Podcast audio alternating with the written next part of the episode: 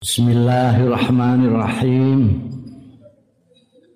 Qala al-muallif rahimahullah wa nafa'ana bihi wa bi ulumihi fid dharain amin. Halawatu mahabbatillah manise cinta Allah Iyyaka antahruja wa diyasira antahruja ing yen to metu sira min dari saking iki perkampungan jenenge donya iki metu wa mazukta lan urung tau ngicipi sira halawata hubbihi ing manise cinta Allah laisa halawatu hubbi ora ana apa manise cinta Allah iku fil maakil ing dalem pakanan-pakanan. Wal masari bilan omben-omben. Keng napa li annahu yusyarikuka. Nek kaya ngono kuwi mau nek ning pakanan ning omben-omben iku yusyarikuka nyekutoni ing awakmu ning sira fiha ing dalem maakil lan masyarib sapa al kafir wong kafir ya mangan ya ngombe. Wadabatu rumangkang ya mangan ya ngombe. Pedus ya mangan ya ngombe. Bal syaraka balik nyekutoni sapa al malaikatu malaikat fi halawati dzikri. Ing dalem manise zikir wal jam'i dan jamu itu sepenuh jiwa. Secara total pikiran perasaan intuisi emosi kabeh menyatu ala Allah ing atas Gusti Allah taala. Kowe maknane mbah kono kowe. Maknane al jamu itu jamu itu istilah sufi yang ngono kowe. Wis utuh total sepenuh jiwa mikiran nutupi baban itu mbah songo hanya untuk Allah taala. Li annal arbah la tahtamil rasyasan nufus. Krana sedune roh-roh sing ana ning jero awakmu kuwi termasuk iku la tahtamilu. Ora tahan. Ora tahan. Ora iso nahan rasa nufus ing percikane nafsu-nafsu. Mula fa idza ghamasta tatkalane nyemplung sira. Tenggelam sira fi jifatin dunya ing dalem batange donya. Donya dianggap kaya batang, kowe kok ning kono kok weneng banget. Ya la tasluhu lil muhadara, berarti kowe ora ora pantes latas luhu ora pantes sira lil muhadarati marang muhadara berhadapan-hadapan hadir dengan hadirat Allah ora pantes batang tok ngono. Li anna Allah taala karena sunni hadratullah taala iku layat khuluha ora mlebu ing hadratullah sapa al mulattahun wong-wong sing gelepotan binasa binajasatil maksiat. Meteni wong eh iku hadratullah iku ora iso dileboni karo wong al mulattahuna sing gelepotan binajasatil maksiati kelawan najis najise maksiat. Nah sepundi sepatu sakit fatahir kalbang mongko nyucekno sira kalbaka ing ati minal aibi saking celo celocone atimu iku ana dengki srei hasud sirik gumedhe ujub riya resik kabeh. Engko yuftah laka babul ghaib. Nah iku iso resik tenan iso dibuka laka kanggo awakmu apa babul ghaib lawang gaib Gue saiki gak iso apa-apa. Delok malaikat ora iso apa. Eh? Iku nek kowe iso ngresik ingat resik.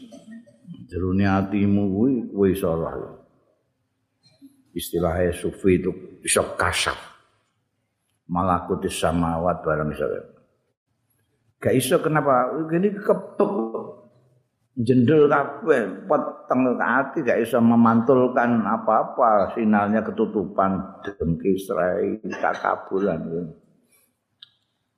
Batuk lan tobat sira ilallahi marang Gusti Allah taala. Warji ilaihi lan baliyo sira ilaihi marang Gusti Allah bil inabati kelawan inabah balik tenan. Wa dzikri lan dzikir. Ha? Dzikir. Beniling terus karo Gusti Allah taala dzikir. Wa man adama qal albab sapane wong sing terus menerus ya man kor albabi ing dodok lawang ora-ora mesti yuftahu lahu. Mesti dibuka apa albab lahu kanggo man. Dodok terus kok dibuka no lawang kowe kowe dodok kaya ora tau ya dibuka no lawang. Dodok lawang. Walau lal mulatafah lamun kok ora mergo sopan santun makulna orang ngucap sapa ingsun laka marang sira zalika yang mengkono-mengkono ucapan man ada makor albab yuftahu lahu iku ganggu basa-basi mek kowe ae. Ha kowe nek gelem dodok terus saya dibuka nalam. Iku mau basa-basi karo kowe. Li anahu kan sedune kelakuan kama qalat rabi'atul adawiyah kaya ngendika sapa perempuan suci Rabi'atul Adawiyah radhiyallahu anha. Iki 180 hidupnya abad masih abad awal ini Rabi'ah Adawiyah. Wali cinta pertama. Ya. Mazhab sufi itu ada yang mazhab cinta.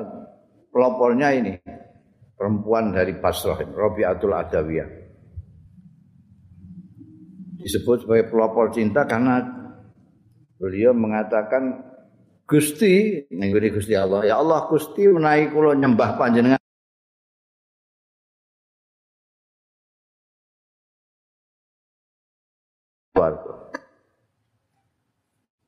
Menawi kula nyembah panjenengan jalan wedi neraka jenengan jeblosna kula teng neraka. Naing menawi kula nyembah panjenengan semata-mata ingin memandang jenengan, ingin ridho panjenengan. Ampun dipun alingi-alingi kula, ampun. Boten tahan kula. No. Cintane mek Gusti Allah. Mulane ngantek wafat pirang-pirang ulama sing ngelamar ora gelem. Saja saja. Aku sendiri kekasih dhewe. Oh iya, Iku iki tanda kutip mata iku. Iku dawuh. Manen ungkapan-ungkapan Rabi Adawiyah itu dinukil banyak orang karena aneh. Ya kaya iku mau.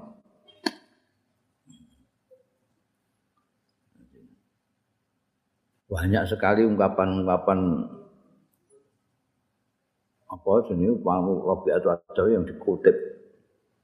Bukan hanya oleh sufi-sufi tapi oleh sastrawan-sastrawan yang tidak sufi barang itu seneng ngokno ungkapan-ungkapan Rabi Adawiyah seperti itu ngantek orang wong Islam tok sing kagum-kagum Beliau pernah ngomong Ya Allah Gusti, kabeh semua omongannya ini gini kekasih kabeh.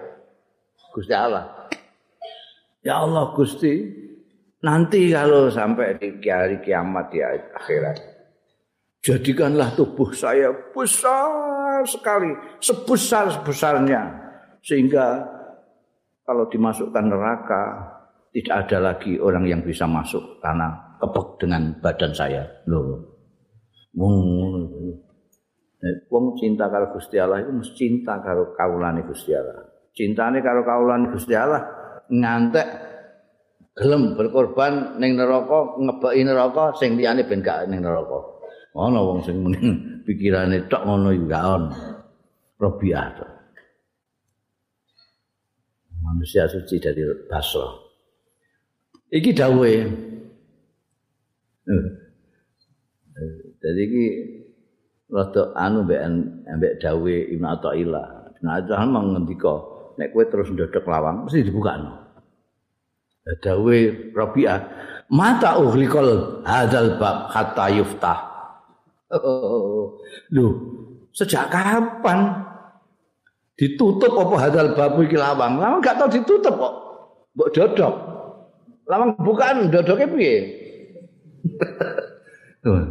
gak tau dibuka mengurangno sing mara lawange Gusti Allah terbuka terus tidak pernah ditutup jadi nek mbok omongno dibuka kapan buka ya mata uhlika hadzal bab. Kapan? Sejak kapan? Pintu ini ditutup. Kok kata yuftaka sampai dibuka. Dibuka itu nek tahu ditutup ora tahu ditutup. Jajal marah engko ora alasan dodok kowe. Ngono. Ha ora tau mara kok dadak ngomong bab lawang bareng. Wis Allah ndak pakai lawang. Karek ana sing mara apa ora ini manusia itu ngono padha karo wong gegeran perkara bab lawang ijtihad itu dibuka apa ditutup Lah timbangan iki geger-geger ngono lebone ra wis. Kok geger nek pancen terbuka ya mlebu. Ket mian gegeran ngono tok ora mlebu-mlebu. Walakin ya hadza babu yusiluka ila qurbi angin tapine iki ya hadza. Eh ana yane barang iku babun lawang yusiluka kang nekaake ya lawang ila kurbi marang parek Gusti Allah taala. Istighdalul qalbi amrih ngadirake ati konsentrasi penuh bi wahdaniyatillah taala kelawan keesaane Allah taala. Wa iyyaka lan medya sira wa dhuhulal qalbi sartane alumpe ning ati jangan sampai ati terus seperti tidak sadar an wahdaniyatillah kowe bolak-balik muni Tuhan yang Maha Esa. Ngapalno Pancasila tapi hati tidak pernah menyadari tentang itu iku jenenge dhuhulul qalbi atimu dhuhul wahdaniyatillah taala. Saking keesaane Gusti Allah taala. Fa amwalu darajati zakirin mongko utawi kawitane derajat-derajate wong-wong sing zikir iku istighdharu wahdaniyatihi taala. Amrih ngadirake keesaane Gusti Allah taala. Itu yang pertama. Meh zikir apa-apa anu kan itu konsentrasi penuh tentang Allah itu satu esa. Mane Abdul Zikri la ilaha illallah. Hanya satu la ilaha illallah. Wa ma dzakarahu dzakirun. Lan ora zikir ning Gusti Allah taala sapa adzakiruna wong-wong sing zikir wa fatahalan buka sapa Allah alaihi ing atase zakirun illa bistighdharihim dalik. Kejaba kanthi anggone ngadirake zakirin zalika ing mengkono-mengkono wahdaniyatihi ta'ala.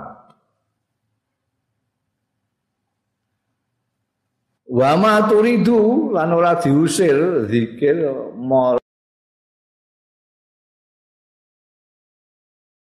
kejaba sebab zikire zakirin ma'a ghalabatil zuhur sartane nglinding talumpe alaihi ing atase zakirin. Banyak nglamunnya daripada istighdar wahdaniyatillah. Nglamun. Muni Allah Allah Allah pikirane mbah ning ndi? Muni la ilaha illallah pikirane mbah ning ndi? Allahu akbar pikirane ning gone sing ora-ora. Hah? Ha, watis watas ta'inu ala dzalika bikum isyahwatain. Carane sepundi, Mbah? Supados saged zikir dengan sepenuh hati istighdar wahdaniyatullah niku sepundi carane? wa tastain jaluk bantuan sira tulung sira ala zalika ing atase mengkono-mengkono zikir dengan istighdar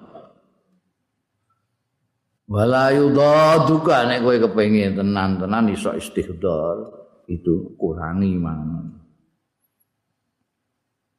ora usah ora mangan blas mangan dikurangi. Biasanya sak tembor ya sak piring ngono. Wala yudaduka lan aja nglawan sira. Wala yudhara nulayani ing sira fillahi la wala yudaduka lan orang ngalang-alangi orang nglawan ing sira fillahi tentang Gusti Allah taala sapa illa nafsuka kejaba nafsumu dhewe jane musuhmu sing musuhmu nafsumu dhewe kowe meh poso dikendon-kendoni nafsumu dimingi-mingi guling ngono nafsumu kelapaan. Eh? Ki nafsumu ini sing nglawan awakmu dhewe untuk datang kepada Allah. Wa ma aksaru tawaddu dikalil khalqi. Aduh, wakih temen. Eh? Tawadudmu, cintamu, hubungan batinmu lil khalqi marang manusa.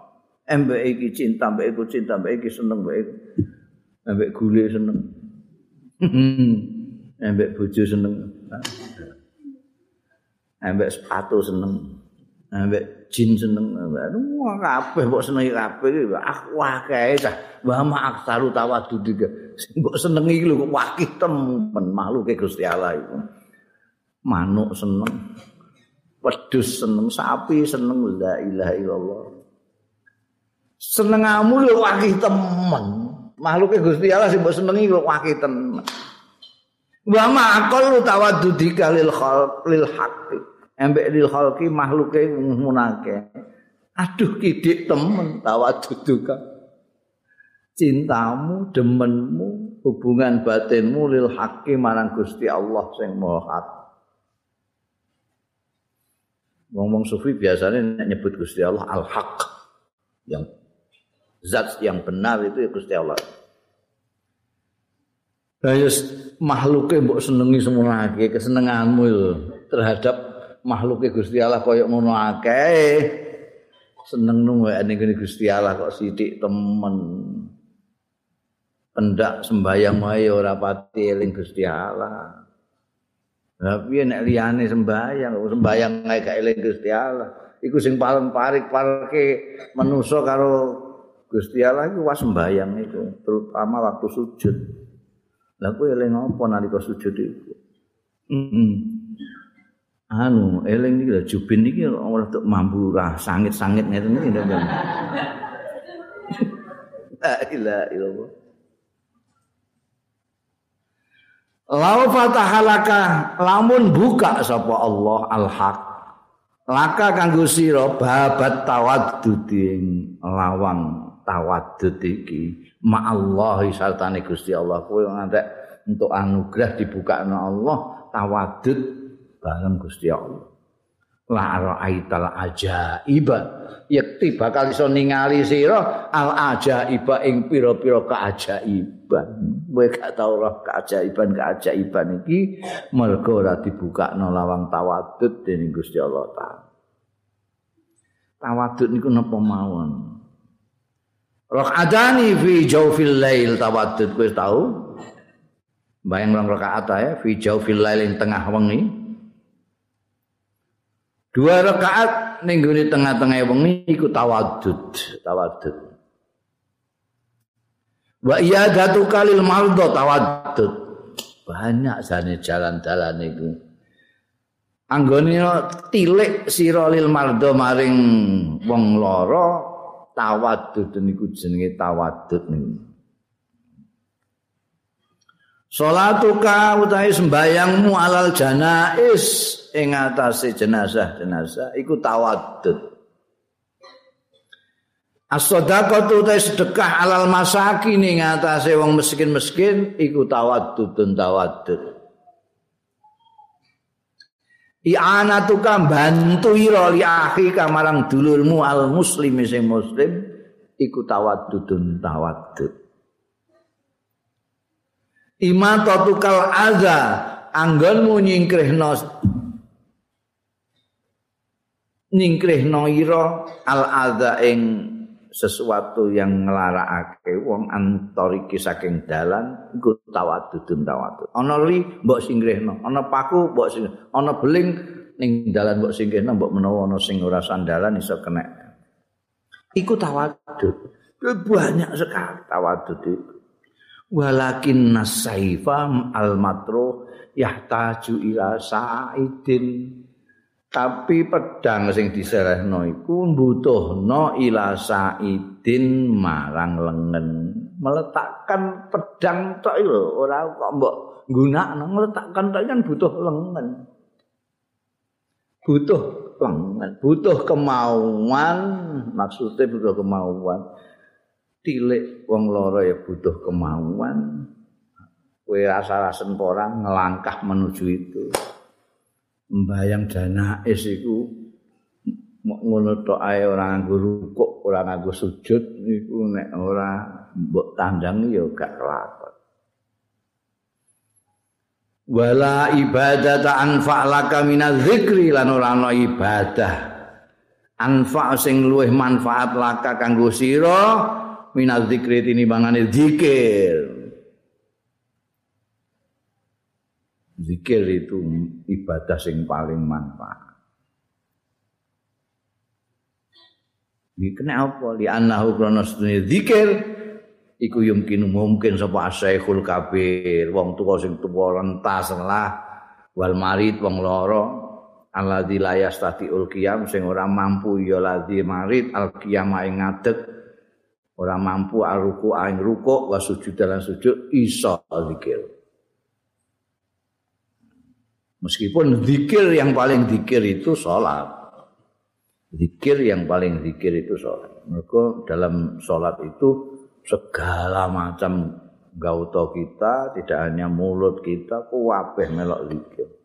Batuk kita zikir. Meletakkan batuk kita di tanah menunjukkan Robi al-Ala. Gusti Allah sing paling luhur dhewe. Aku iki apa? Sirah lo tak sok misal. Zikir. Ora kok mau Allah Akbar itu. Zikir. Dan zikir itu tidak terbatas itu saja.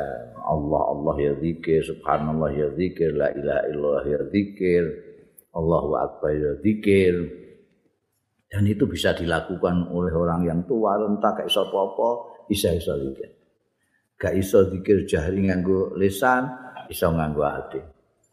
Ya, jadi paling manfaat kepenak ini. Loro, insya Allah, Allah, Allah, Allah. Bunda tariqatud dukhul carane mlebu ila ma'rifatillah maring mengenal Gusti Allah. Wa'lam. Ngerti sira annal ulama asetuhune wong-wong sing alim bal hukama lan wong-wong sing arif. Itu alim be arif itu. Ulama alim itu karena ilmu, karena ngaji, karena belajar, dia alim. Kama itu lebih karena banyak latihan, banyak pengalaman, banyak mengamalkan ilmu, kemudian jadi arif. Dia kalau bicara yang keluar wisdom, sesuatu yang mutiara. Dia ngomong mutiara muda. Karena itu tadi sudah mengedap ilmu itu dalam dirinya. Ulama ambek hukama itu ya. Mereka itu kenal betul kaing siro. Kaifa kepriye tadkhulu malbu sira ila Allah taala marang Gusti Allah taala.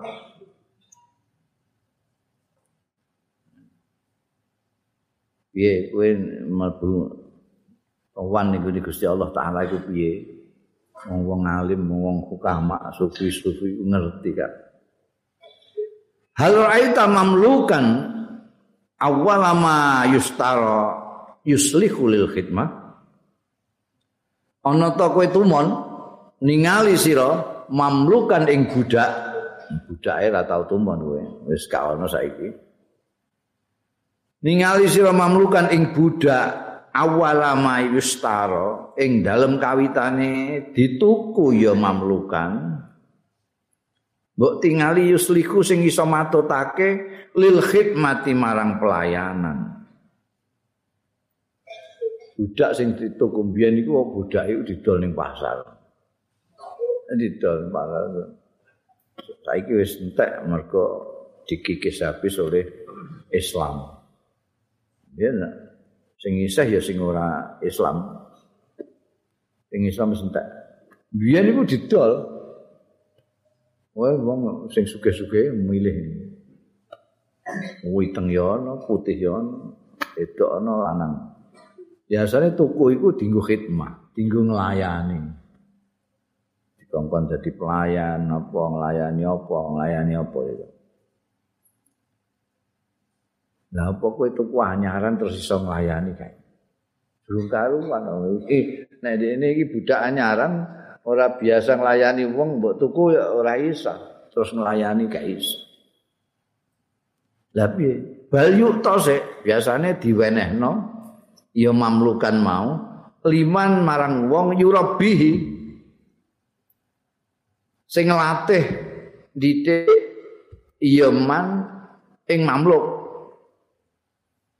wa yu'allimuhu lan marai sapa man hu ing mamluk al adaba ing tata krama diwarai tata krama sik ora ujug-ujug terus mbok mbok wehno karo raja raja didoni barang piye diwarai Wa in saluha mongko lamun wa insaluka utawa salah padha ae. Pak insalah.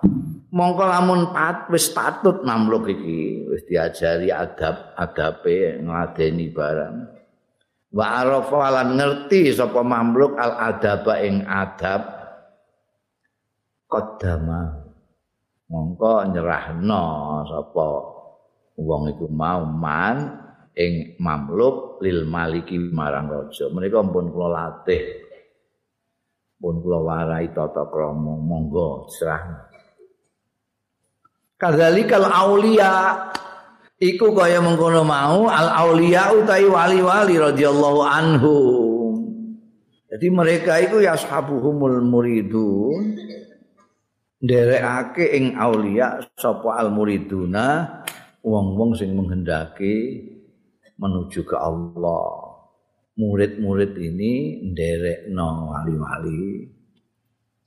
Hatta yazju bihim sehingga dorong iya aulia bihim kelawan muridun ilal hadrati maring ngarsane Gusti Allah taala.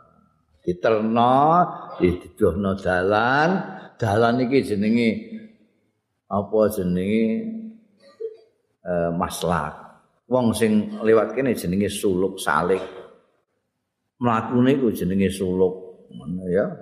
Aku terno diantarkan ke sampai usul kepada Allah taala ini tugasnya wali-wali untuk mengantarkan murid-murid ke sana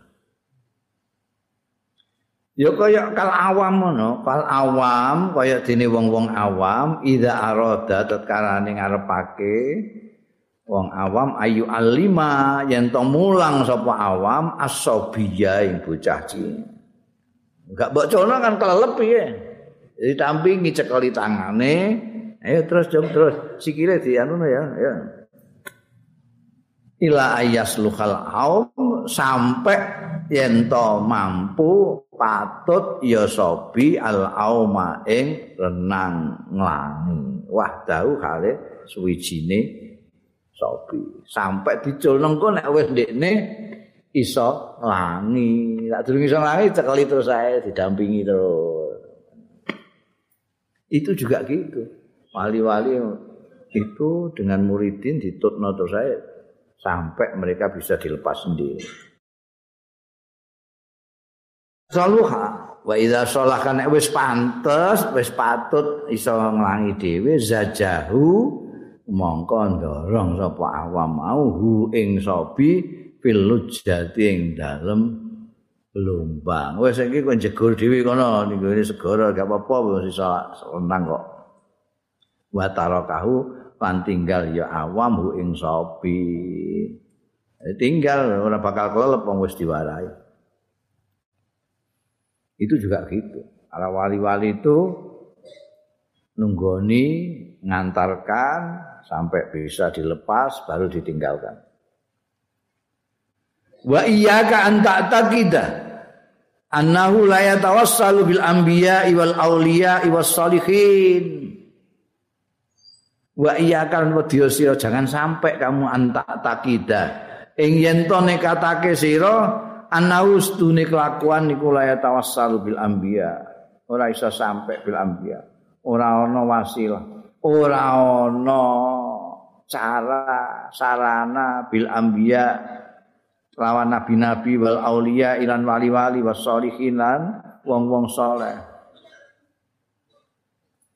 Awasul mbek anane aja sampe kowe nekotno ora ana. Awasul ning gone nabi-nabi ning wali-wali sing saleh-saleh iku ora ana. Aja ngantek. Mergo fa innahu mustuni nabi-nabi, wali-wali wong-wong saleh iku wasilatun justru wasilah. Ja'alaha kang dadekake hak ing wasilah sapa Allah Gusti Allah ilaahi marang Gusti Allah. Kenging napa? Li anna kulla karamatin lil wali. Karena sedune keramat lil wali kedue wali ya ya karamah lil wali iku syahadatun merupakan kesaksian bisidkin nabiyyi kelawan benere nabi. Li annaha jarat ala aidi. Krana setuhune karomah iku jarat lumaku ala aidil auliyai ana ing asta astane wali-wali misla khalqil adat kaya sing nulayani adat cukup-cukup iso ngundang mano wal masyi alal ma mlaku ning dhuwur banyu. Wa tayaran mabur fil hawai ing dalem awang-awang. Wa ikhbar wa ikhbaril mughayyabat lan ngabarake perkara-perkara sing gaib wanab ilma'i lan miline banyu. Roko drijine. Wa nahwi dzalik. Tan sepadane mengkono-mono kabeh. Jadi wajan duwe etikot nek ora ana tawasul oh wong iku dititahno Gusti Allah. Pancen kanggo tawasul nabi-nabi wali-wali ku nabi-nabi iku kagungan mukjizat, mukjizat. Wali-wali ku duwe karomah-karomah, diparingi Gusti Allah karomah-karomah untuk menjadi saksi kebenarannya nabi. Ono sing jenenge Khariqul Adat, sing nulayani adat iku ono. Iki buktine. Wali iki Eh? Keramat jenenge. Cuma kalau nabi namanya mukjizat nek wali-wali jenenge karomah eh, keramun kene ngarani keramat karomah nek dikandakno wong-wong sing ora tahu anu ya kenal kalau wali ya ora ngandel iku. Wali-wali duwe karomah iku. Iku biyen iku aku iki saksi hidup Aku mbiyen ku isih cilik nalika ning Lirboyo iku wong lagi metu SD. Pira umur pira umur metu SD. Aku ora tau ning SMP, langsung Lirboyo. Umur pira? 12 lah, 12 11. Pakai nakal-nakal itu. Mus-mus lagi nakal-nakal itu. Kayak nakal-nakal di pondokno. Wah kiai kiai itu kagungan Wet tebu itu ngelilingi pondok. Kebune Mbah Mahfuz Mbah Masuk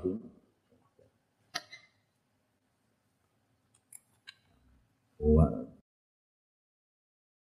Ini masya Allah. Waktu itu aku mbak gengku iku anu. Rembukan dhewean kan. Iki mumpung durung ditebang ayo di melok ngicipi kan. Jari nek nolong wae kiai ku halal. Angger gak konangan. Nolong wae kiai ku halal angger gak konangan.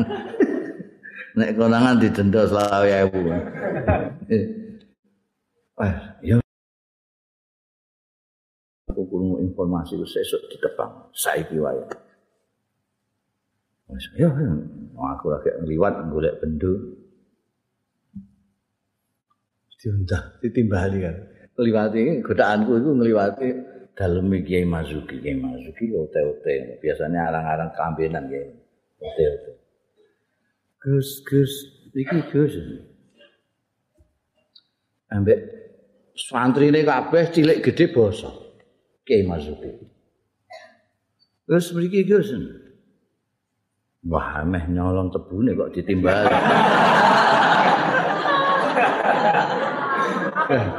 Wah, keringetan kabeh aku. Ateng aku iki.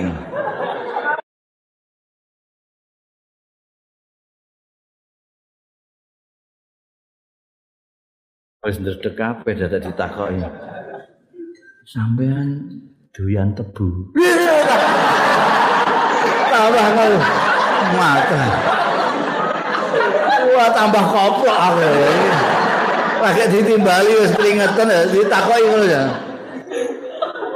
Jenengan jenengan doyan tebu kok.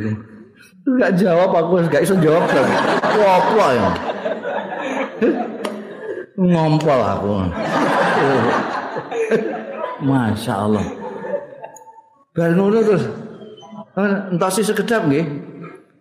Beliau terus mabu dalam metu iku gendong tebu iku sak bongkok. Iki dibagi kanca-kancane nggih. La ilaha illallah. Iki mbah ngerti mbah kebetulan enggak ngerti apa. Wis mbok tafsirno apa dhewe. Iku apa memang kebenaran apa keramat. Ya ngerti. Iki sing tak weruhi dhewe. Ngono-ngono kuwi. Nah, nek sing ceritane Pak Diku yang cerita, Pak Diku ku mbiyen ning Lirboyo juga mondok ning Kiai Mahfud. Kiai Suyuti. Ana kancane sing kon ngeterno ngene Mbah Dongro. Mbah Dongro itu ning Kediri juga terkenal waliullah juga. Aku terno aku sing wong kono Aku ning ngene Mbah Dongro. Pas. Iki kenal wis kenal wong ya dadi mah aku mau kowe iku mesti macam-macam kok njaluk kowe. Ora. Aku mau njaluk anu donga mahabbah. Lho ya tenane semua aku mau. Wis aku iku meneng ae, aku terno tok aku sing ngomong aku dhewe. Engko sing matur aku dhewe wis meneng ae, pokoke aku bedudono enteni kancani ngono tok ae. Aku kabeh engko sing ngomong terus. Wis rada peksa-peksa sithik Pak Di. Tenan. Plat patrat. Ndek sisi kene patrat. Kertas-kertas. Iku wis disiapno ternyata ambekan iki kancane Pak Di. Ora tak sebut jenenge ngene mbak goleki. Patrat patrat. Tak napa wis siap patrat. Kertas-kertas. Es, tulis. Allahumma bi qalbin min sandian ma min wes. Dereng. Apa ini bisa kas wes. Peng telu terus di oyok kertas ora judu iki padahal nek judu apa meneh? Tak wedok. Pedus katut.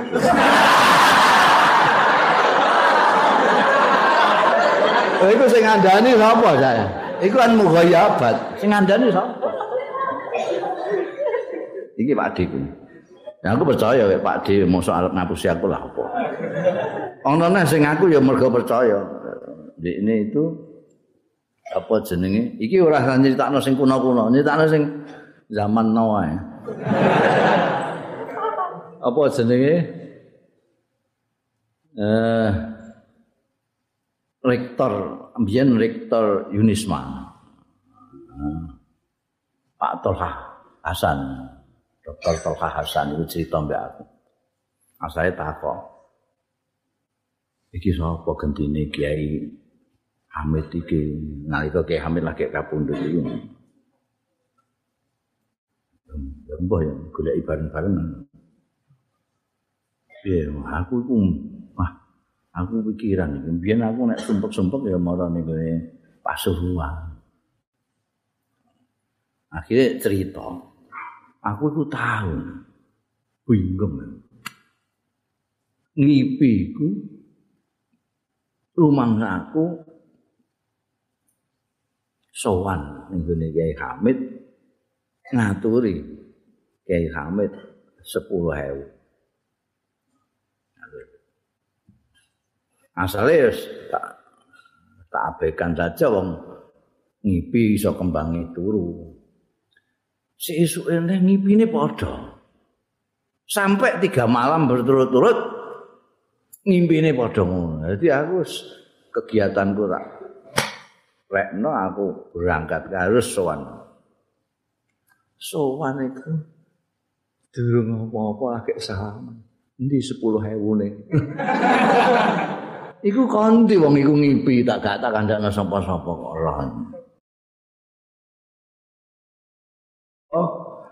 ana karomah, ana mukjizat kanggo nabi, ana karomah kanggo wali, tapi ana ilmu hikmah. Ilmu hikmah iku aku duwe biyen ning gone Lirboyo iku aku duwe catetan akeh. Duwe carane buka gembok barang ngene nggo maling. Iya, buka gembok. Iso ngilang barang ngono kuwi. Ngilang. Iku sing sugih ngono iki Mahfuz, iki Mahfuz. Iki Mahfuz iku iso pencak ning dhuwur wit tebu. Ning gone nalika mondok ning Rembang ngucar ngacil ning konteng lor kono iku nganakno ketoprak lakone Hasim Asari. Ngamuk. Kok kok kasih kan muai wae obrak-abrik kan sing wani. Ono sing wani kuatane ngono. Kemah. Lah iku pirang-pirang aku konggone kemah iku ya entuk. Tapi ora wani ngamal. Kaya dungane ngilang barang ngono. Aku ora wani ngamal nang nek gak iso balik. ya. Oh, ngilang terus gak iso balik apa ayah. Soalnya orang ning Pemalang, Pemalang ngono kiai sing ora ora balik.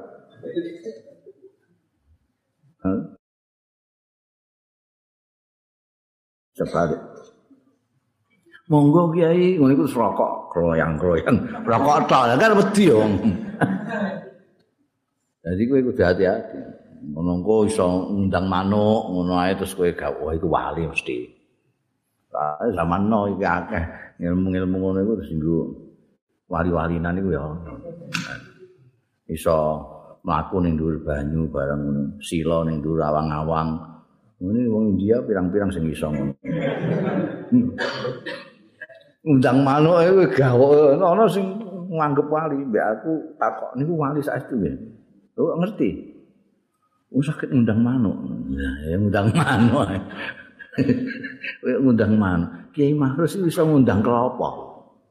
Nek manuk ana nyawane diundang mara biasa. Ini masuk kelapa. Kelapa kan, udah kelapa diundang. Bang, kliu. Situ balik nanya. Nasa gawak. Nah ini yang bisa ngono itu anak sing gak ngandel. Wangke ya bukti-bukti sing ora iso dibantah ngono karomah-karomah.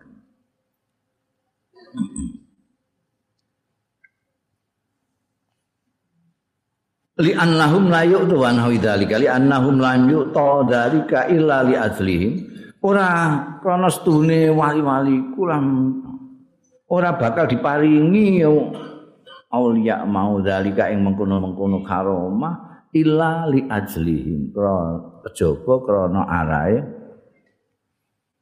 mereka itu memang bisa jadi wasilah. Muhasabatun nafsi. Tapi ya paling anu aku hati-hati tenang iku bedanya tipis sekali antara karomah dengan karomah dengan ilmu hikmah ngono kuwi bedane tipis banget Abah itu tahu cerita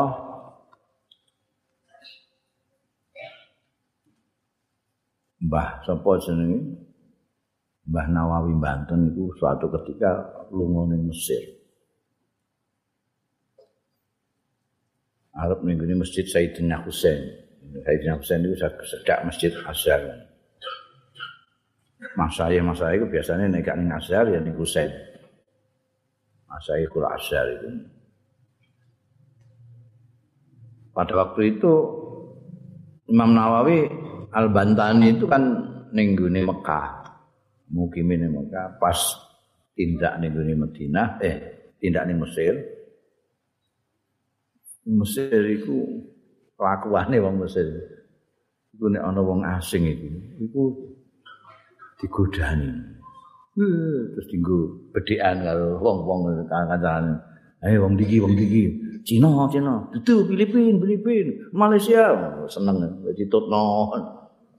Kasih cilik juga ngono. Lah nalika iku Kiai Nawawi Banten itu malah pakaiannya nganggo blangkon klambi takwa. Wah, wong Mesir tambah rame ini ra karuan ngetutno. Iki sapa rame ditarik-tarik klambi takwane barang ngono.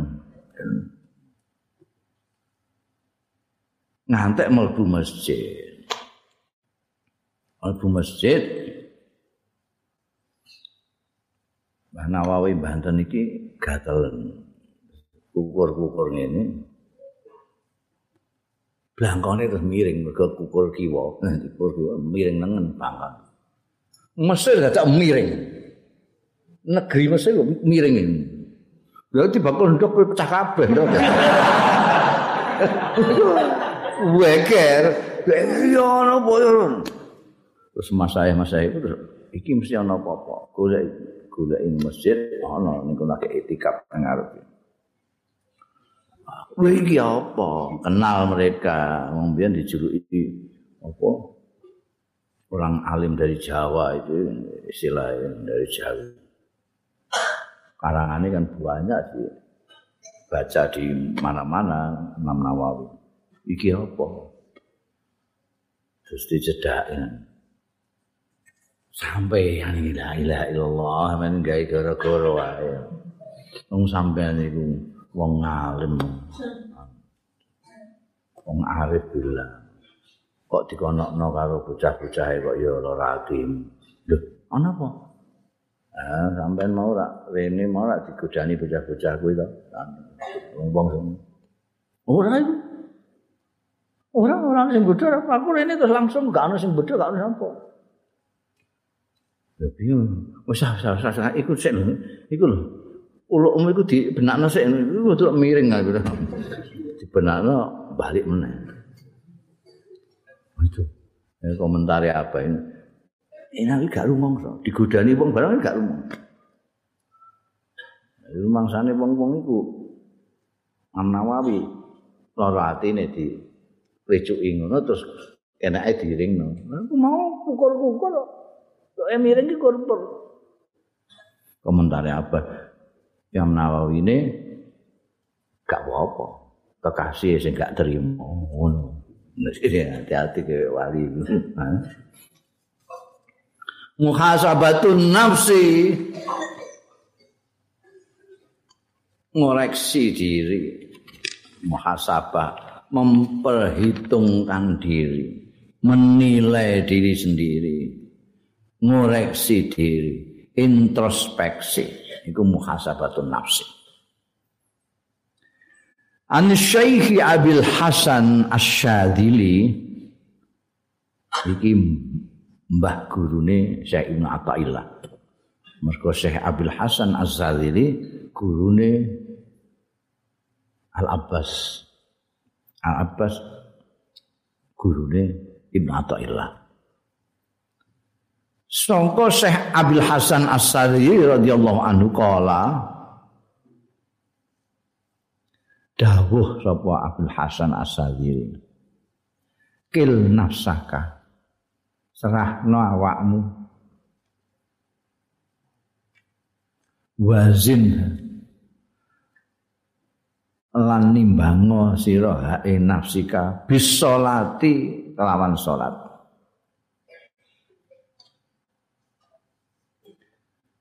Pak ini tahat mongko tetkane rampung salat.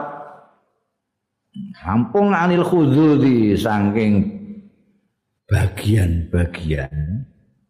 Pak Lam mongko ngerti sira anaka setune sira iku saita. Kowe bejo.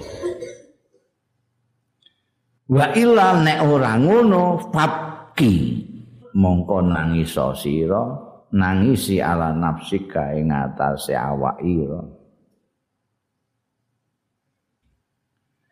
Khadun utawa khuzuz itu bagian Biasanya yang banyak itu kita ngambil bagian apa bagian kita apa bagian Gusti Allah.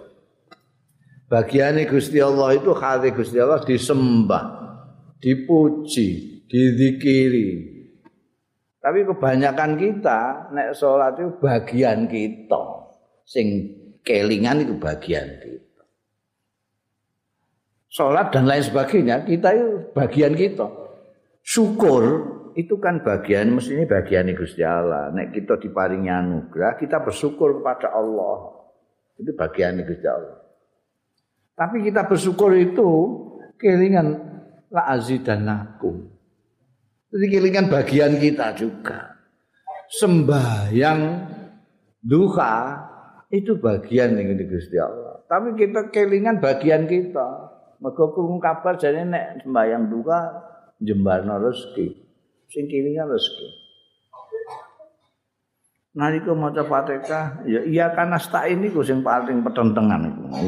Njaluk segala macam khat-khate dhewe. Tapi nek iku iso mbok ilangno mok hazi Gusti Allah tok sing mbok ilingi kowe bahagia. Nek ora ya tangis awakmu itu Ida jarar tari jelak nalikane Eret sira rijlaka ing sikilira ila salati marang salat jaron kelawan nyeret tenang. Fahal ra'aita habiban sing banter nek nyeret kowe arep salat pedreng-pedreng. Fahal ra'aita menengo ana ta ningali sira habiban ing kekasih layuri ora ngarepake sapa habib liko habibi ketemu karo kekasih habib. Kowe tau tuh ana kekasih kok ora kepengin ketemu kekasih. Kalau kekasihmu ya ben ben kekasih tenan ta ora. Terus bekandani kekasihmu teko mblayu. Seret sikile. Nah, iku jarimu Gusti Allah kekasihmu. Wae salat kok kledreng, kledreng. Kalau Allah Ta'ala dawuh sapa Gusti Allah Ta'ala Inna salata senduni sembayang ikutan hanya gaya sembayang anil fahsya isangking kekejian wan mungkarilan kemungkaran. Nah, ini kan terus pertanyaan nih, kalau sholat bolak balik kok terus sih? Hilang nih fahsya mungkar pulau nih, nah ini delok delok salatmu. Paman arada ayya arifa haqiqatahu indallah. Mongko sapaning wong arada sing ngarepake ya man. Ayya arifa yen to ngawruhi ya man. Ngawruhi haqiqatahu ing haqiqate man indallah ya ana ngarsane Gusti Allah taala. Wayan durulan ningali ya man halahu ing kondisine man ma'ahu sartane Gusti Allah taala fal yandul monggo supaya ningali ya manila salatihi marang salate. Kowe nek kepengin mengetahui hakikatmu itu apa di depan Allah taala.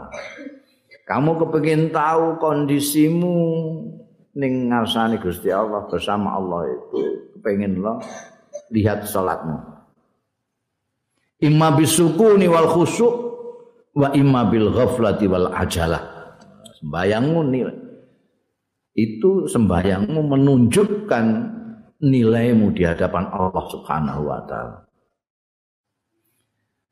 Imma bisukun ana kalane ning gone salatmu iku bisukun kelawan anteng wal khusyuk ilan khusyuk. Tapi wa imma bil ghaflati ana kalane dengan lalai ngelamun tok mulai Allah Akbar ngantek salam. Itu ghaflah. Wal Saking kesusune. Fa ilam takun bil wasfainil hamidaini sabiqain faktur turab ala rasid. Senengane ngono. Saya Ibnu Athaillah nek muring-muring faktur turab ala rasid. Pak ilam takun mongko lamun ora ana sira, ora ana iku. Takun sira ya iso, salatmu ya iso. Bil wasfainil hamidaini kelawan persipatan loro alhamidaini sing terpuji karone asabika ini kang wis dhisik karone yaiku bisukuni wal khusyuk. Nek kowe ora iso salatmu kaya ngono iku mau, ora anteng lan ora khusyuk, fahtutur mongko gebyurna lebu ala roksika ing atase sirahmu. Eh wur-wuri lemah ra wis sirahmu iku. Ngono iku lah apa? Fa inna man jalasa. Sapane wong sing jagongan jalasa melok lenggan sahibal miski jagongan wong sing duweni minyak misik abiko alaihi min rihihi. Mongko empel wangine alaihi ing atase manjalasa min rihihi saking gandane misik. Eh. Kowe kumpul bakul minyak wangi ora tukulah kowe wali. La fa inna sholata mongko setuhune salat iku mujalasatullah. Sembayang iku mujalasatullah sowan minggu ninasani Gusti Allah. Bayang lah kue linggih mbek bakul minyak wangi ae ora tuku kue katut melok wangi. Mujalasah kalau bakul minyak wangi. Lah salat iku kue mujalasah karo Gusti Allah. Dadi faida jalas tahu monggo kalane kowe enggan sowan ning Gusti Allah walam yahsul lan ora kasil laka kedue sira minhu saking Gusti Allah apa saeun suwi-wiji enggak ada asalnya apa wangi ora ora dalam mongko nuduhake apa dalika mengkono mau ala maradin ing atase lara fika ing dalem awakmu Jadi kowe iki lara kabeh. Eh? Kowe nek sembayang iku mujalasah ning ngarsane Gusti Allah. Kok bar sembayang gak entuk apa-apa blas. Gak ada labete apa-apa. Tambah apik, tambah khusyuk. Tambah ora tahu fahsa, ora tahu mungkar, ya tetep wae. Kedigasane ya tetep, petakilane tetep. Sembayang terus tapi kok tukarane yo terus sembayang terus tapi kok korupsine terus. Ya ada asal sembayang bayangmu sempi ya sembayangmu itu kamu jalasah so nah. Gue salaman dengan sowan bakul minyaknya salaman wangi tangan kok. Ya Allah, tangan kok wangi ini. penyakite kowe iku ana penyakite. Mujalasa karo Gusti Allah kok ora untuk apa-apa. Iku kowe lara. Sakit napa mbak? Wa huwa kaimarat iku ima kibrin. Ana kalane kibir. Gumedhe kowe. Iso sembayang ngono ae kowe tok nyawang wong sing durung sembayang kaya ya ngenyek kibir undang Mbah Kiai ngono ae. Wong-wong sing awam mbok anggap ora pati wong.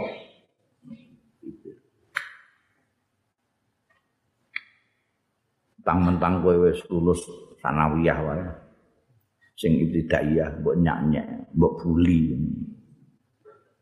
iki jajo kibir sing marakno kowe ora entuk apa-apa iki. Au ujubun utawa ujub. Nek kibir itu gumedhe. Kowe merendahkan orang itu sudah gumedhe. Kalau ujub itu bangga diri. Baik. Pikir-pikir sak langgar iki mau tak delok kok. Sing usuk mak aku tok. Ujub. Ujub iku Wes tak titeni ini bahaya iki. Gak ono sing kusuke koyo aku gak ono. Padahal ya bolak-balik melok sembayang aku. Lu kok gak niru aku lho. Ujub. Kadang-kadang ujub ini diselimuti dengan apa? Dengan bahasa-bahasa. Aku juga ngerti aku, aku ya biasa-biasa aja, mas aku ya biasa-biasa aja. Mbak wong-wong kok ya diangkat jadi pimpinan. oh, ini kita kayak piye gitu. Aku jane ya ora pati penak tapi piye meneh lho, kanca-kanca. Kanca-kanca maksa itu gini. Jari ini aku itu paling pantas. Lho. Ini kita itu kayak kita kayak orang ujub, itu. Ujub. au adamu adabin utawa ora ana adab iki sing akeh ora ana adab. Kowe sowan ning gone lurah ngono ae mbok golekno rambimu sing paling apik. Mbok setrika sik lagi sowan. Sowan Gusti Allah kaosan oblong. Sesuai kabeh. Seminggu ra tau dikumbah. Ya Allah. Eh? Ambek pelengahan di sowan Gusti Allah pelengahan ana sing pegelen tangane eh iku gak diadab ning ngarane Gusti Allah. Gak diadab ku ning ngarep ya ora aku gumun ning ngarep itu ngarep. Ngarep sembahyang. Dosa. La ilaha illallah. Ini sembahyang ngono iki. Gak diadab. Ya ora entuk apa-apa, kowe sembahyang ku sapa sing adep. Wis nglamun, wis ora adab. Durung apa-apa kudu. Qala Allah Ta'ala dawuh sapa Gusti Allah Ta'ala Sa'asrifu an ayatil ladzina yata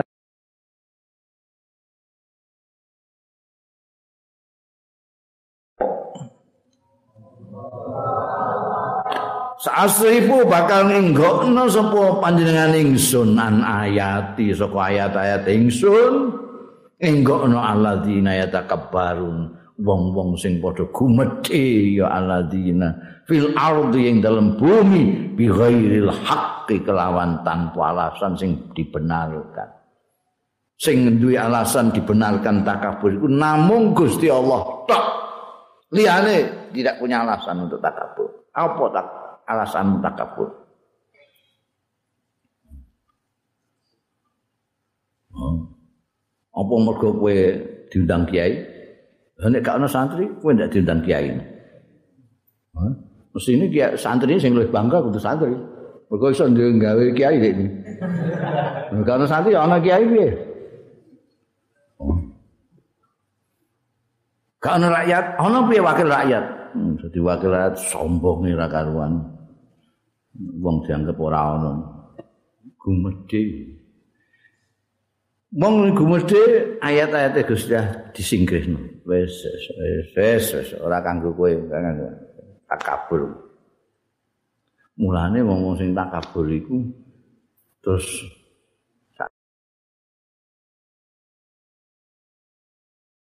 Wong cek ngalim lah, cek pinter lah, janji gumedhe wis dienggokno. Dilalae. Bolak-balik maca dalil tapi dikne dhewe nglanggar dalile dhewe.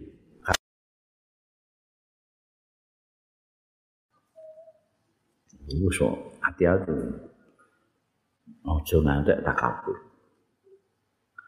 Fala yang bagi mongko ora prayoga liman sholat. Tumrape wong sing sembayang ora prayoga ayusri ayento age-age al khuruja ing metu wah ya iku mau ana kancane enteni sedhek ya aku tak sembayang sedilut ngono wis sedilut tenan. Sedilut tenan. Jadi kaya-kaya sembayang iki bukan sesuatu yang pokok. Ya sambilan ngono ae. Diambilan di antara kegiatan-kegiatan kehidupan sehari-hari. Bisnis apa nek hiburan nak piye engko disela-selani salat Ora suwe-suwe salat iki urusan iki kan kula keter kabeh iki urusan bisnis kan keter nek salat kesuwen Lah sing bayar utang nek gak sida piye Salate sediluk ae Nah, untuk asal kok endi? Layam bagi liman sholat ayusri al khurud. Ojo agi-agi metu bayal kulullah. Balik zikir nih gue gusti Allah. Bar sembayang lah iku kue tengok-tengok iseh. Zikir subhanallah walhamdulillah wa la ilaha illallah wa allahu akbar. Subhanallah bihamdi adada khalqi wa nafsi zinata asik dadakan. Astaghfirullahaladzim. atubu ilaih zikir bal yadhkurullah taala wa yastaghfiruhu lan nyuwun ngapura ya man hu ing Allah min taksirihi saking pepekane man fiha ing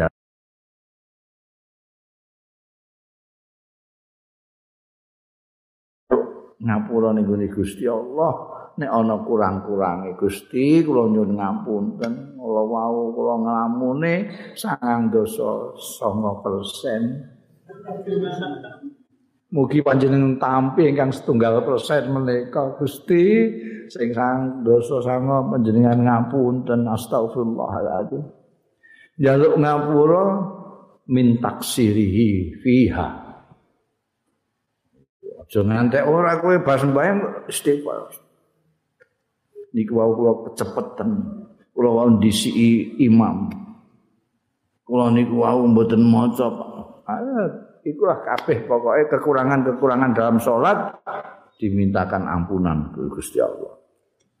Faluba salatin latas kul kubun mongko pirang-pirang sembayang latas ora pantes iya salat lil qabuli maring ditampa Banyak sekali sholat itu yang tidak ditompo Gusti Allah. Karena adabnya, karena ngelamunnya, karena tidak konsentrasinya, tidak khusuknya dan lain sebagainya. Wa in ta inistalfarta mongko lamun jaluk ngapura sira istighfar Allah ing Gusti Allah ba'daha sakwise salat kubilat mongko ditampa salat. Lho, enak to ngono kuwi. Tapi ya kuwi kuwi njaluk ngapura ora kok astagfirullah astagfirullah tanpa duwe kesadaran bahwa itu minta ngapura. Kesalahan kita itu selalu begitu. Kita maca Allahu Akbar juga terpikirkan gede ini Gusti Allah. Muni subhanallah tidak terpikir sucinya Gusti Allah. Muni astagfirullah ora kelingan dosane. muni alhamdulillah kelingane ziyadah la in sakartum la azidanakum Jadi nek kowe istighfar ya pancen njaluk ngapura astagfirullahalazim ya Allah Gusti niku wau sepundi salat kula kok kaya ngoten kula pun ya ana ya ini salat kok dereng paham-paham salat sing bener niku Gusti astagfirullahalazim. Kubilat. Jadi benar apa ilah ditompo kowe nek istighfar. Nek gak istighfar ya mbok ditompo mbok ora.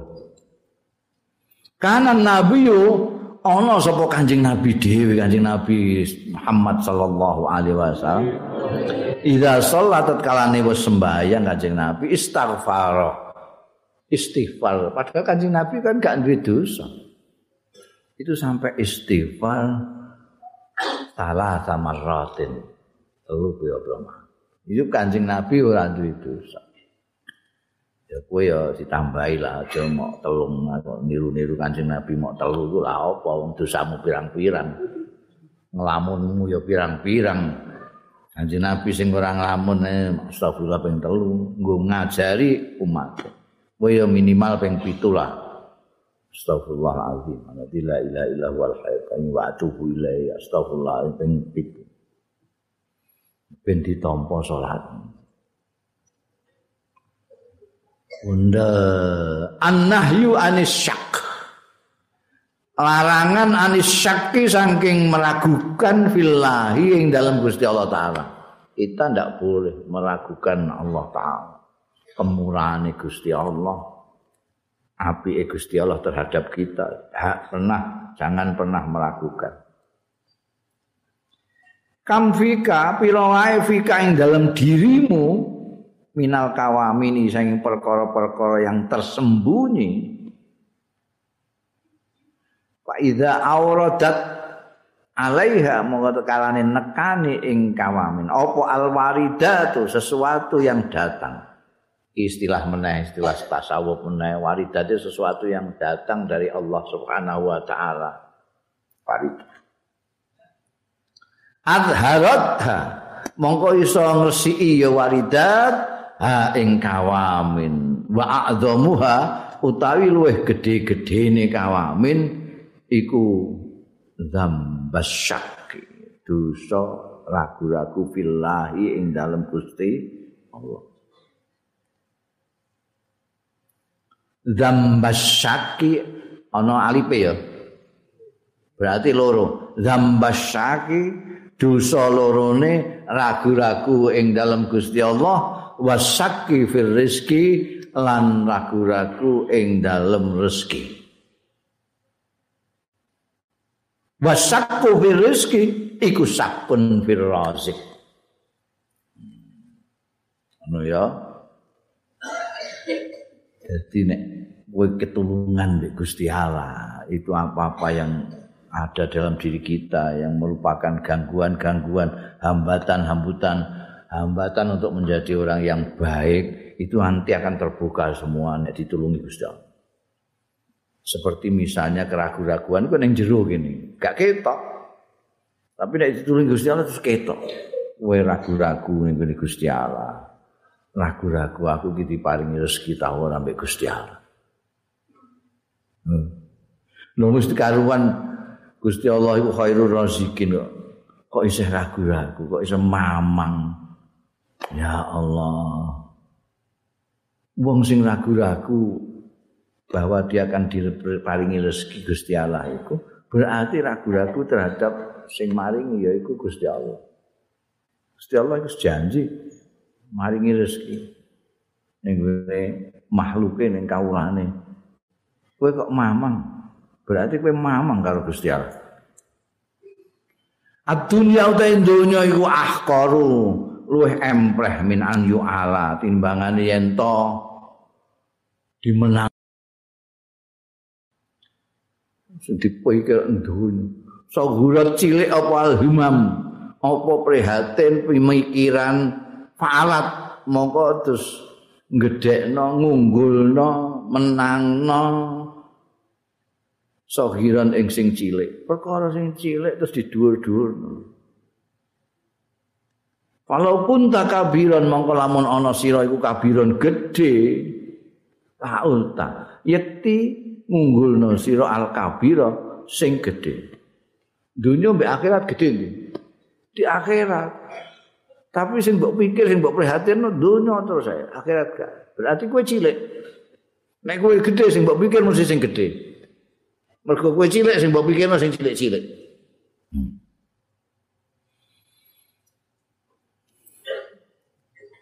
La'utal kabir. Man alal hammas sakhir. Tai sapaning wong sing ngunggulno keprihatinan pemikiran sing cilik. Wa kalan tinggal sapa man alhammal kabir ing keprihatinan yang besar nanti itu di akhirat bagaimana? Iku istas istasfalna ya. Mongko nganggep rendah ingsun aklahu ing akale man ana wong kok sing anggap pokok perkara sing cilik, perkara sing gedhe ditinggal. Iki wong iki tak anggap ya akale rendah. Kum anta bima yaz zamuka kang netepi yo maing sira bayane min wadha'i fil ubudiyati nyatane tugas-tugas kehambaan wa huwa alim tai Gusti Allah yakumu engko sing jumenengi kanggo sira bima lawan barang iltazamau sing netepi ing Allah. Titik kalau titik kita pernah titik glenden-glenden titik dhewe. Hmm.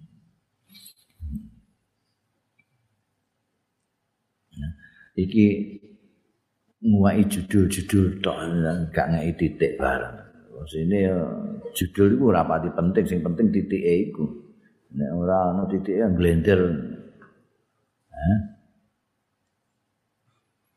Orang yang mendahulukan pemikiran yang kecil-kecil ngalahno pemikiran yang besar malah gak dipikir, gak diprihatin. Orang akalnya rendah. Kamu itu sah pokoknya kamu itu tetapi apa yang menjadi kewajiban? Tugasmu apa? Sebagai kawulan Gusti Allah. Ya nyembah Gusti Allah. Isi itu lakukan. Rasa mikir tugasnya Gusti Allah. Nah itu mbok lakukan Allah akan melakukan apa yang menjadi ketetapannya Allah sendiri yaitu memberi rezeki kamu. Ya kok mikir kowe malah mikir rezeki ku lah apa rezeki tanggungane Gusti Allah kowe mikir. Salah ya. Kualik eh? Iku piye? Mbok pikir iku piye? Mesti tanggung kok mbok pikir. Sing pikir ku tugasmu iku nyembah. Nek kowe nglakokno tugasmu sebagai hamba yaitu menyembah Allah nanti Gusti Allah akan ngrezekeni kamu.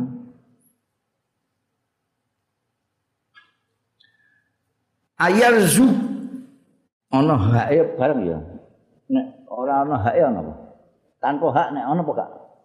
Ya zuku ngono ana sing eh? Tanpa hak. Ya iku sing bener. Sampean ngerti? Ya wis ngerti menae hmm? Ora enak soalnya. Ah. ayat zuku ngono hule dibuat. Ana to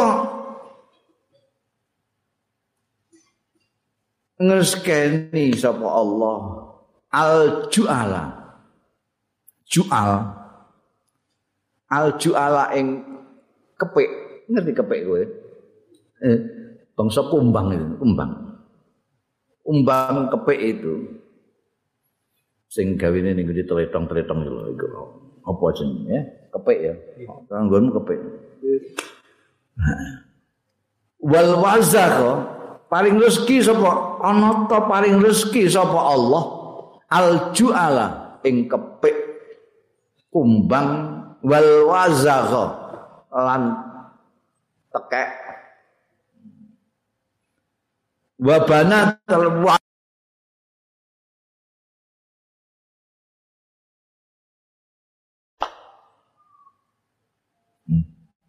Wayan salang ngalekna sapa Allah ayazuka ka ing yen to paring rezeki Allah ka ing sira. Eh coro ae diparingi rezeki mek Gusti Allah. Kecoa diparingi rezeki. Tekek cecek diparingi rezeki kok kowe ora Gusti Allah lali piye? Kowe sing dimulyakno makhluke Gusti Allah sing dimulyakno walaqad karramna bani Adam. Mosok kalah karo coro coro ae diparingi rezeki kowe ora? Ora mungkin. Kowe mau kurang mikir ngono to ae. Rezeki kok mbok pikir nganti nemene koyo ngono kuwi. Lha apa? Berarti kowe ragu-ragu.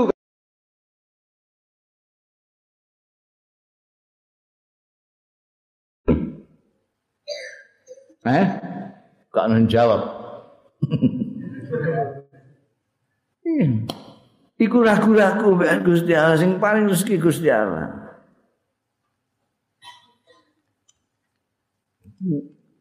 Soalnya terpengaruh kalau opini yang dibuat oleh dunia modern ini. Seolah tidak percaya ambekan Gusti Allah. Sing paling coro laler diparingi rezeki paling rezeki kabeh Gusti Allah. Gak ono sing ora. Mosok sing dimulyakno kau makhluk sing dimulyakno dilalekno dhewe ora dikaringi rezeki. Ora mungkin.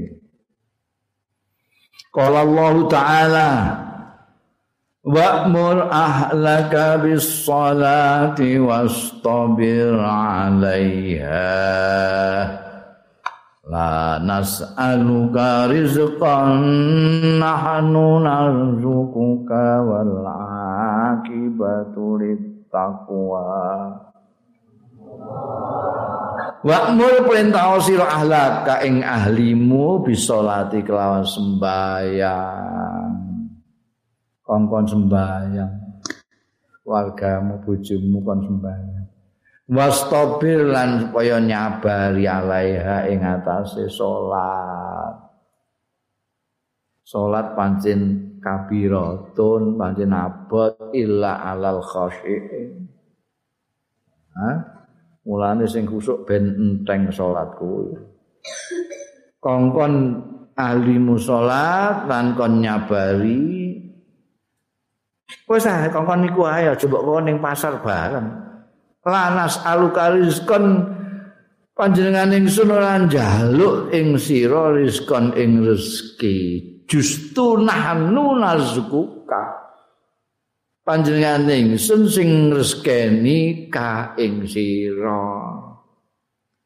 Wal akibatu tai tembe buri sing apik iku takwa keduwe takwa. Eh pelokno iku ngibadah ning Gusti Allah. Perkara rezeki nahnu narzukuka. Kami yang akan memberi rezeki kepadamu. Yaiku sayangi yaiku akeh sing do gak percaya karo Gusti Allah utawa meragukan Gusti Allah.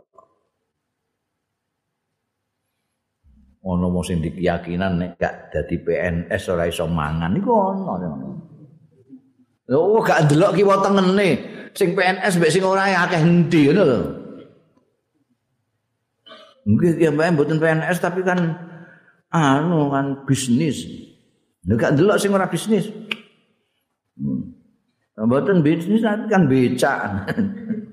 Lho kok ningali sing ora becak ya akeh kok. Mboten becak tapi kan dodol bakso.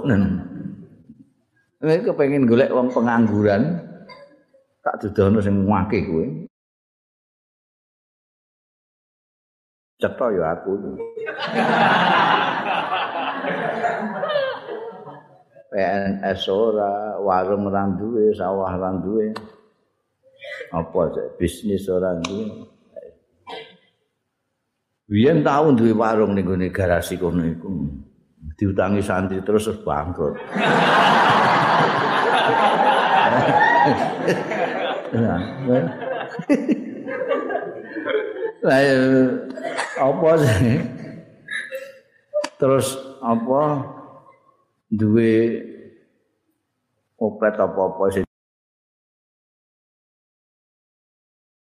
Niku minta kanggo bayar sopir karo kernete karo ndandakno mobile karo bensin.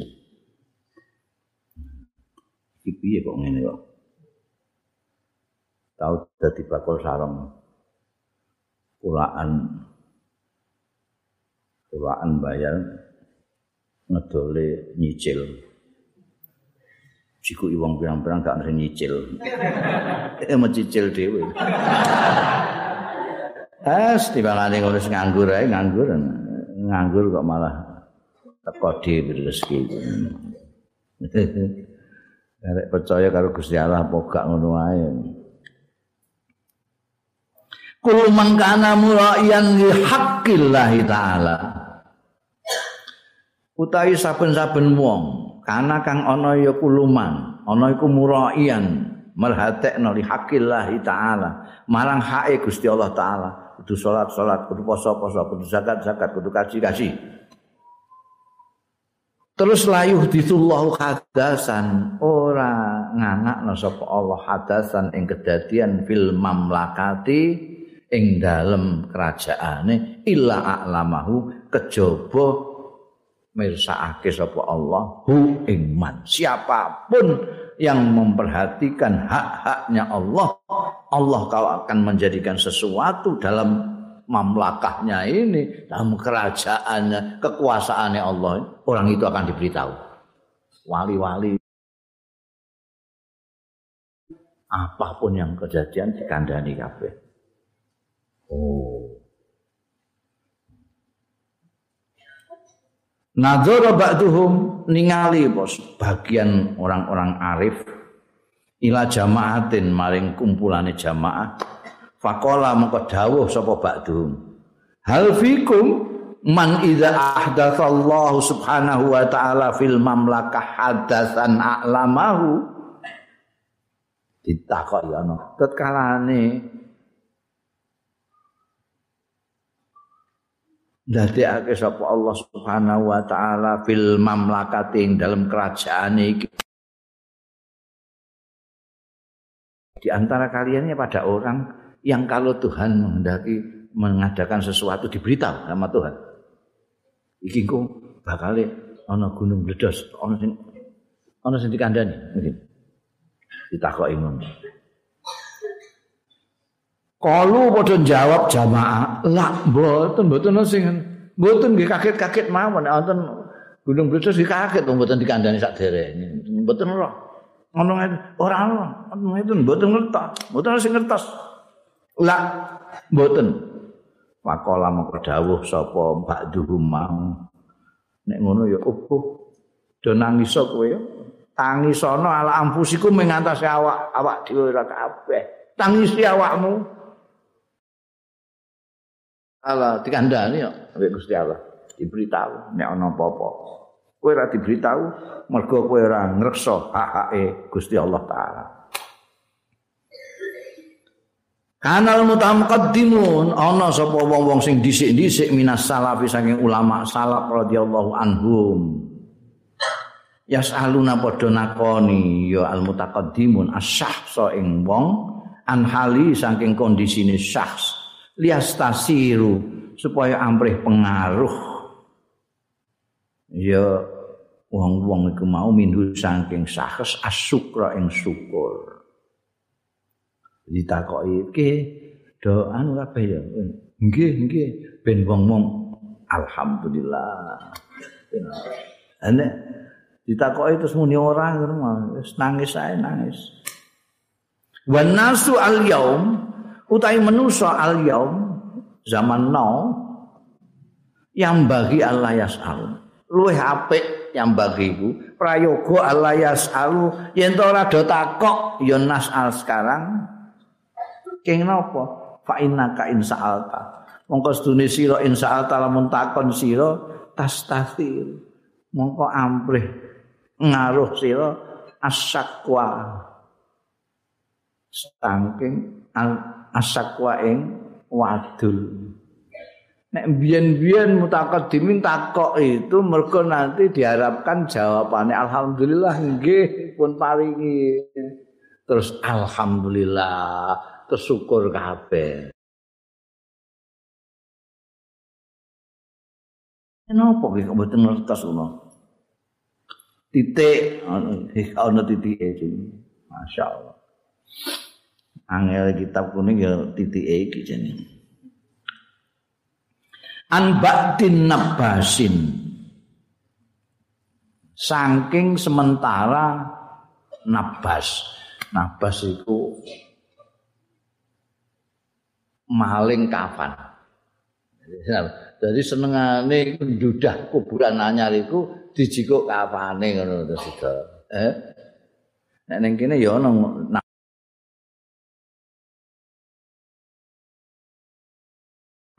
Mulane nek jemaah kliwon terus kuburane dijaga mbek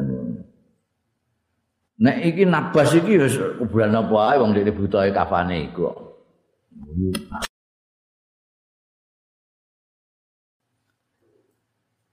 Ini cerita itu saka sementara maling kafan itu tukang ndudah kuburan. Anahu setuhune ba'dun nabasin tabah tobat ini. Ini tobat. Ya Allah, ya Allah ya ini penggawean kok. Ndudahi kuburan ya Allah. Tobat ilallahi ta'ala.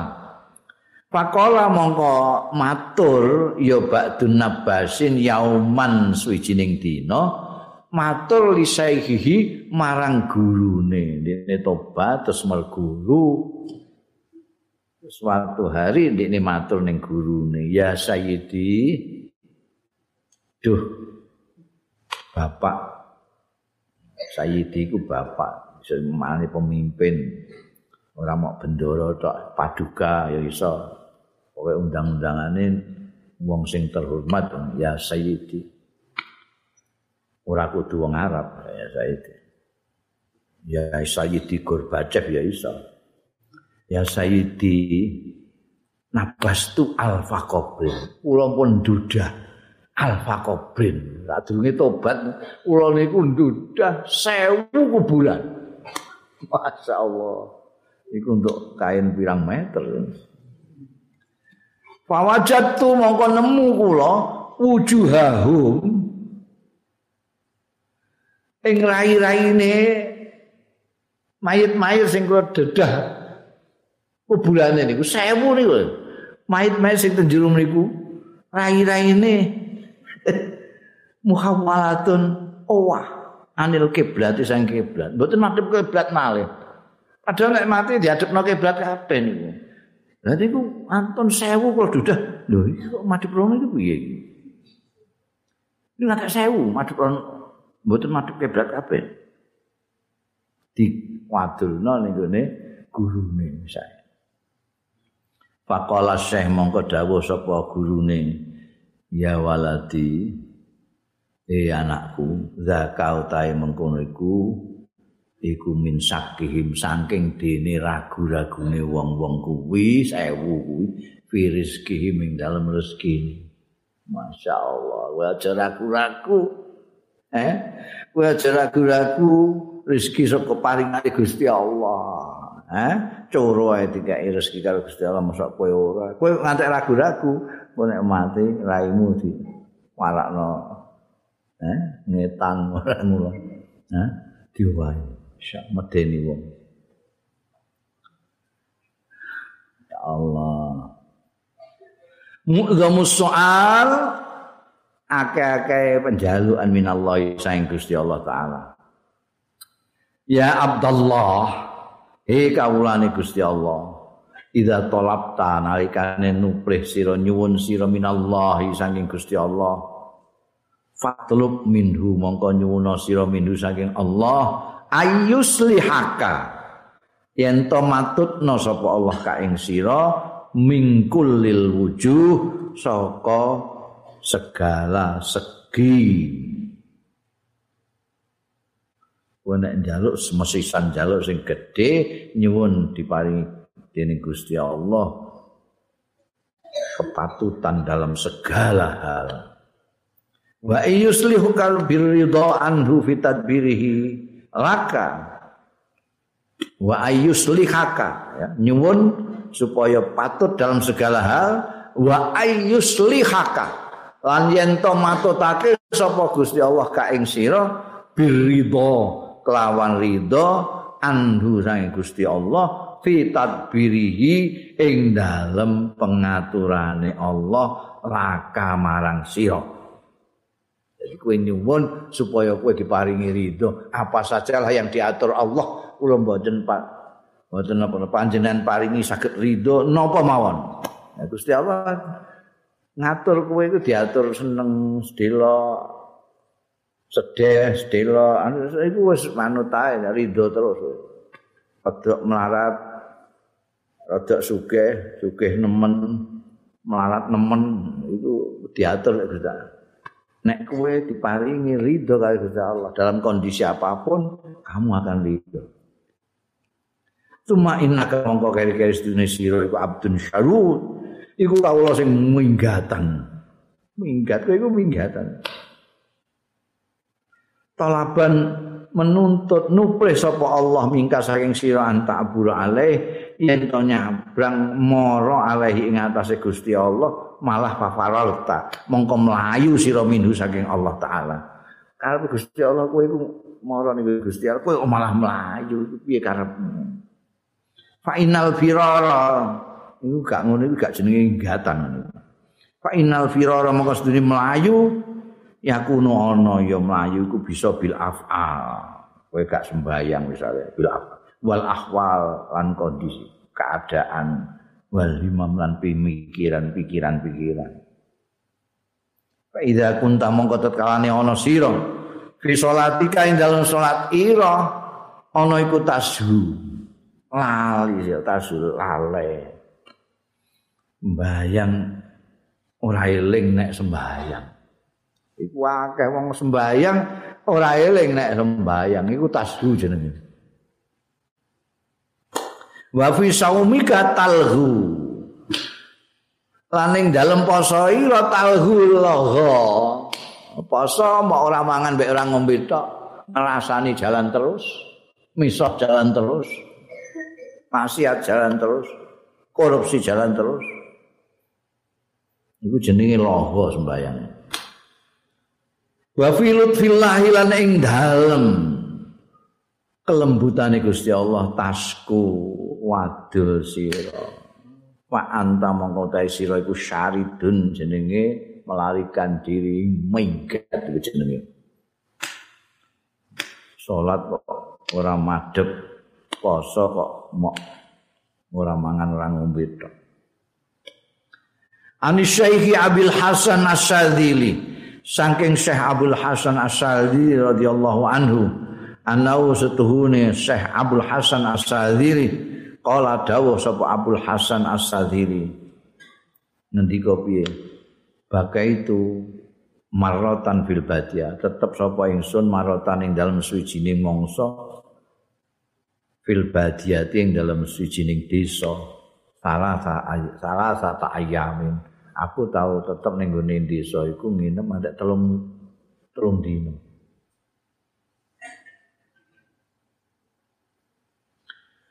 Lam yasika ya lam yasika ya.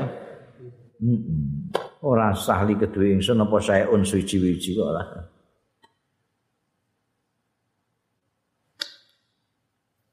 Ora ono. Ya itu orang-orang sufi dan biasa jalan gitu jalan ya saya Abdul Hasan saya itu gitu jalan. Pas nih gue sana sampai turun dino itu orang orang nopo warung lawan harus biar gak ada warung kan ono sing iman. Gak ada sesuatu. Pajaza alaya wongkong liwati ngatasi ingsun sapa ba'dun nasara sementara wong-wong nasrani. Aku telung dina ngelimpuk Farauni ana sementara orang Nasrani lewat Farauni mongko ningali ya Pak Nasara ing ingsun aku ditingali mutakian ingkang lelehangan aku lemes telung dina gak nemu apa-apa. Dek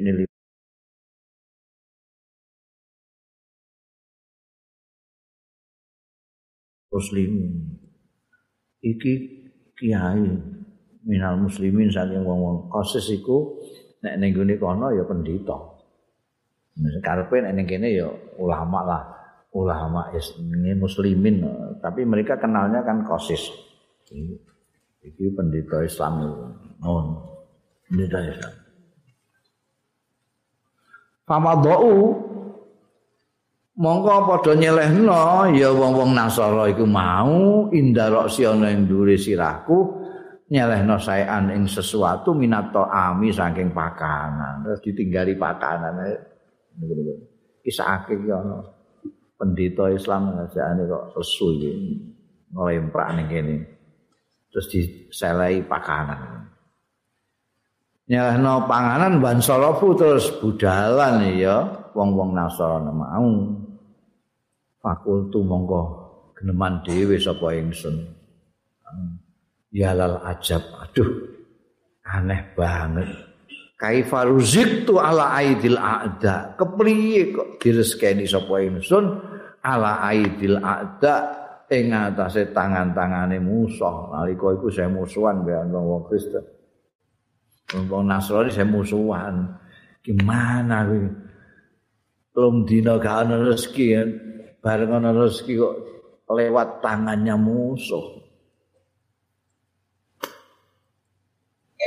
Walam uzak lan ora diparingi rezeki sapa ingsun ala aidil ahibba. Ing atase tangan-tangane kekasih. Kok ora kanca-kanca lewat kanca-kanca sing ngeki rezeki. Rezeki iki kok lewat musuh iki piye? aku ngomong ngono dhewe fakila mongko dingendikake ana swara tanpa rupa kisian laisar rajul mayyazuk ala aidil ahibba. Ora ana apa ar-rajulu wong lanang tenanan gentleman iku man wong. Laisa ora ana. Aja iku man wong. Yurzaku kang diparingi rezeki ala aidil akhibba ing atase tangan-tangane kekasih-kekasih innamar rajul angin pestine wong lanang sing tenanganan iku mayurzaku wong sing diparingi rezeki ala yadi a'daihi ing atase tangan-tangan musuhe wah ana swara ngono ing jenenge lanang tenan iku sing entuk rezeki sok tangan-tangane musuh ora kok sing saka tangane biasa. Nek rezeki teko saka diai kanca-kanca biasa iku. Ana musuh ngeki lah iku baru. Ya hadza. Eh wong iki kowe maksude ya hadza. Ij'al nafsaka. Dadekno sira nafsaka ing awak ira. Kadabatika. Kaya sapimu ngono. Kadabadika kaya dene rumangkangmu. Dadekno awakmu iku kaya rumangkangmu. Maksude sepundi? Tumpakanmu lho mbok jaranmu mbok kebumu iku. Awakmu seperti itu. Ulama adalah Anton Anitori nek menggok ya dabatuka anit tariki saking dalan. Dalan apik-apik ndene malah nyebok-nyebok ning gone sawahe wong. Dorop taha mongko nutuk sira ha ing dabatuka. Kowe numpak jalan, jalanmu nabrak-nabrak pekalangane wong, mbok jarno ae. Wah, iso tukaran mek wong e kowe. Lah piye? Dorop tahu. Eh, eh nengah. Farajaat mongko bali ya dabatuka ila tarik maring dalan nek. Nek mbok tutuk nek balik ning ngene dalan sing bener. Nek ora nabrak-nabrak terus. Lah ngono kuwi pelakukanlah dirimu seperti itu. Terhadap nafsumu. Nafsumu nek ngejak miring-miring ning ndi tutuk ae. Ben jejeg mara ning dalan meneh. Walau fa'alta lamun nindakake sira ma'an nafsika sartane awak ira. Mislama taf'al. Kaya umpamane barang taf'alu kang nindakake sira bijubbatika kelawan jubahmu. Nek kowe memperlakukan nafsumu kaya kowe memperlakukan jubahmu, sepundi maksude? Ulama tawassaqat hosal taha. semongso-mongso rusah ya jubatuka husaltaha mumbah sira ing jubahmu wa kullama taqata'a nek suwek pedot-pedot fiha ing dalam jubah ana suwek apa taun suwiji-wiji rap tak tahu. Mongko nambal sira ing syek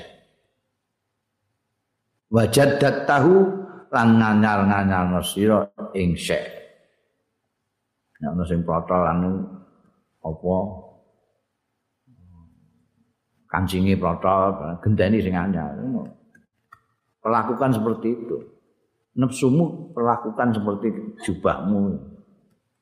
Nek kowe gelem ngono nek kotor resiki. Jadi awakmu nek kotor resiki awak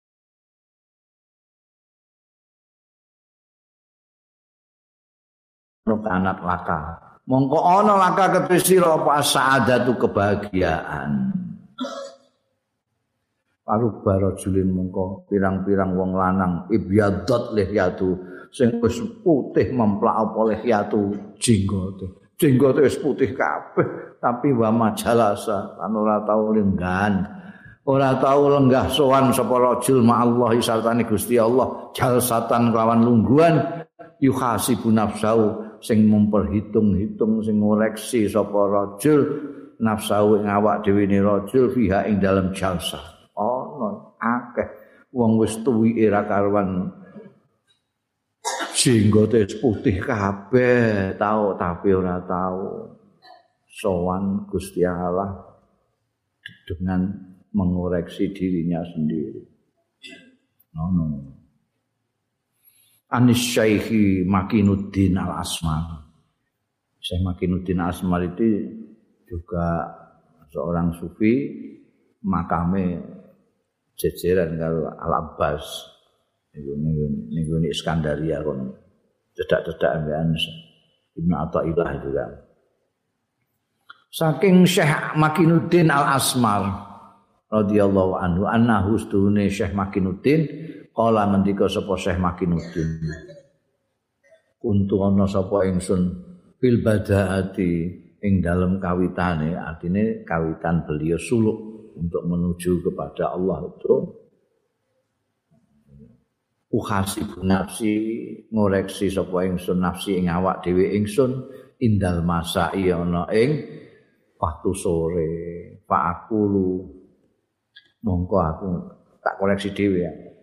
Aku lu aku lu mongko ngucap sapa ingsun takalam tul yaum aku saiki dina iki takalam tu geneman sapa ingsun al yauma dina iki bikada wa kada. Ngono. Jadi modele itu pertama kali beliau mau jadi sufi itu model itu mengoreksi dirinya. Nek wengi nek sore terus aku dik mau sekesuk mau mulai esuk mau aku ngomong apa wae. Tau ngrasani wong tawaran.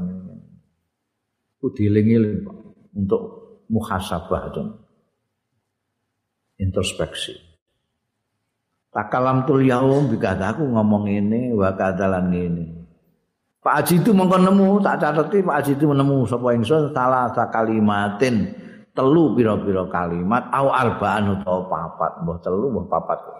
Ini tak cateti. Iku dawuh kae tanda kutip tanda kutip ini ora ana nganggo punktuasi blas kitab iki. Titik ya ora ana koma ya ora ana apa meneh tanda kutip. Ya kowe cerdas-cerdasan dhewe ngono ae.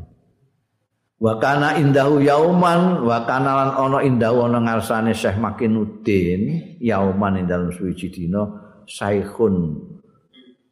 Wong tuwa umruhu kang umure Syekh iku nahwu tis'ina sanatan sekitar 90 apane sanatan taune wah ini pantarane mahathir tangang puluh tahun temu Makinuddin Fakola lahu monggo atur sapa Syekh Makinuddin lahu marang Syekh sing umure 90 tahun. Ya Sayyidi, duh Bapak, Mbah. Asku kula madulaken nilai kadatan panjenengan kasrata dzunub ing kathah dosa kula. Kula niki dosa kula kathah. Aku muni ngono iku faqala lahu Syekh. Iki dalam rangka introspeksi mau kelingan omongan-omongan. Fakola mongko dawuh lahu marang Syekh Makinuddin sapa asyikhu wong tua mau. Barang diwaduli nek dosa kula kathah. Terus Syekh iku jawab Nah iki ya hadza utawi iki sayun sesuatu lana rifu sing ora ngerti aku. Nek niki kula mboten ngerti Kang. wong wa ma'rifu lan kula dereng nate ngertos anis dunik ingsun iku amil tu nglakoni kula zamban ing dosa kotu babar pisan nek soal dosa kula maaf mawon kula mboten ngerti wong kula dereng nate dosa. La ilaha illallah. Amen diwaduli soal dosa 90 eh, tahun ora tau dosa. Kula mboten nate